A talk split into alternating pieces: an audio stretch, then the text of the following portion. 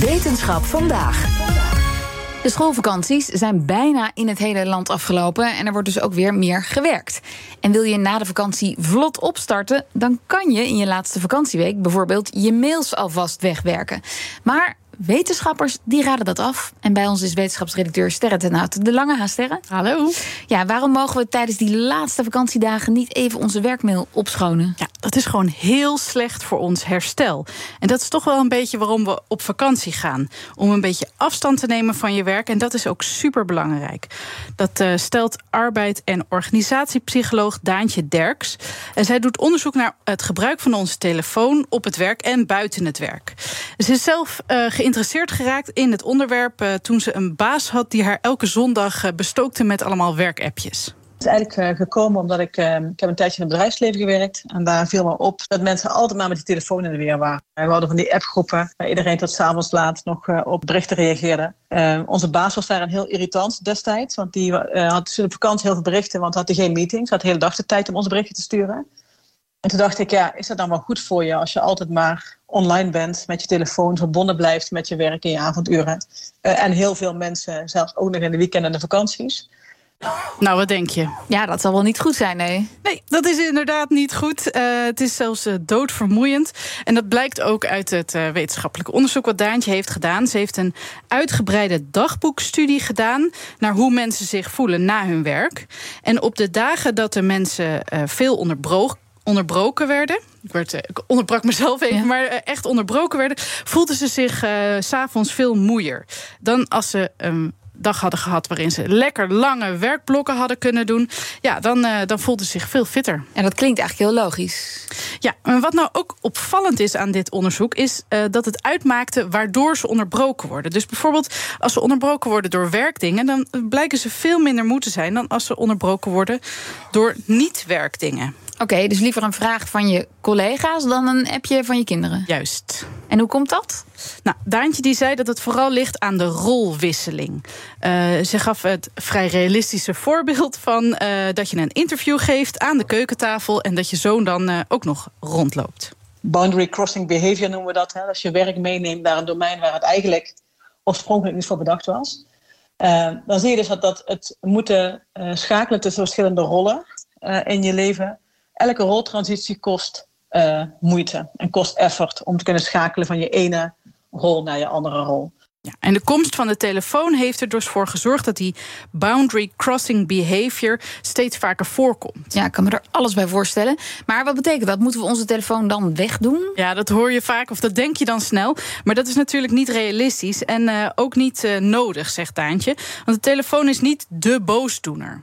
De telefoon is op zich neutraal. Het is een middel, het faciliteert. En waar we eigenlijk naar op zoek zijn, is een soort heilige graal. Een beetje de balans van, oké, hoe kunnen we wel van die voordelen profiteren... zonder dat we echt de hoofdprijs betalen.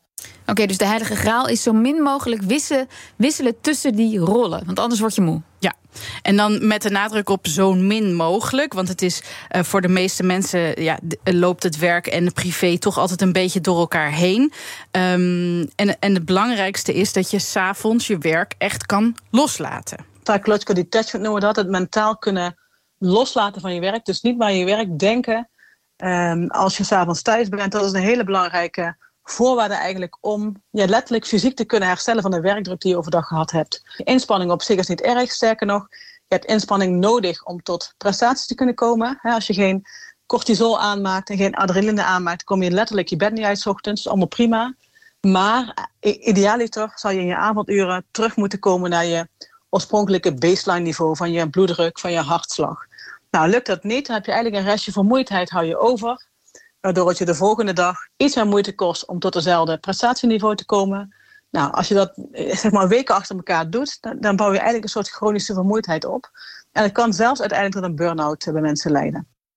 Nou, Daantje die heeft dit ook fysiek onderzocht en ze zag dat de werkstress ook echt een effect heeft op de spanning op je spieren en de bloeddruk.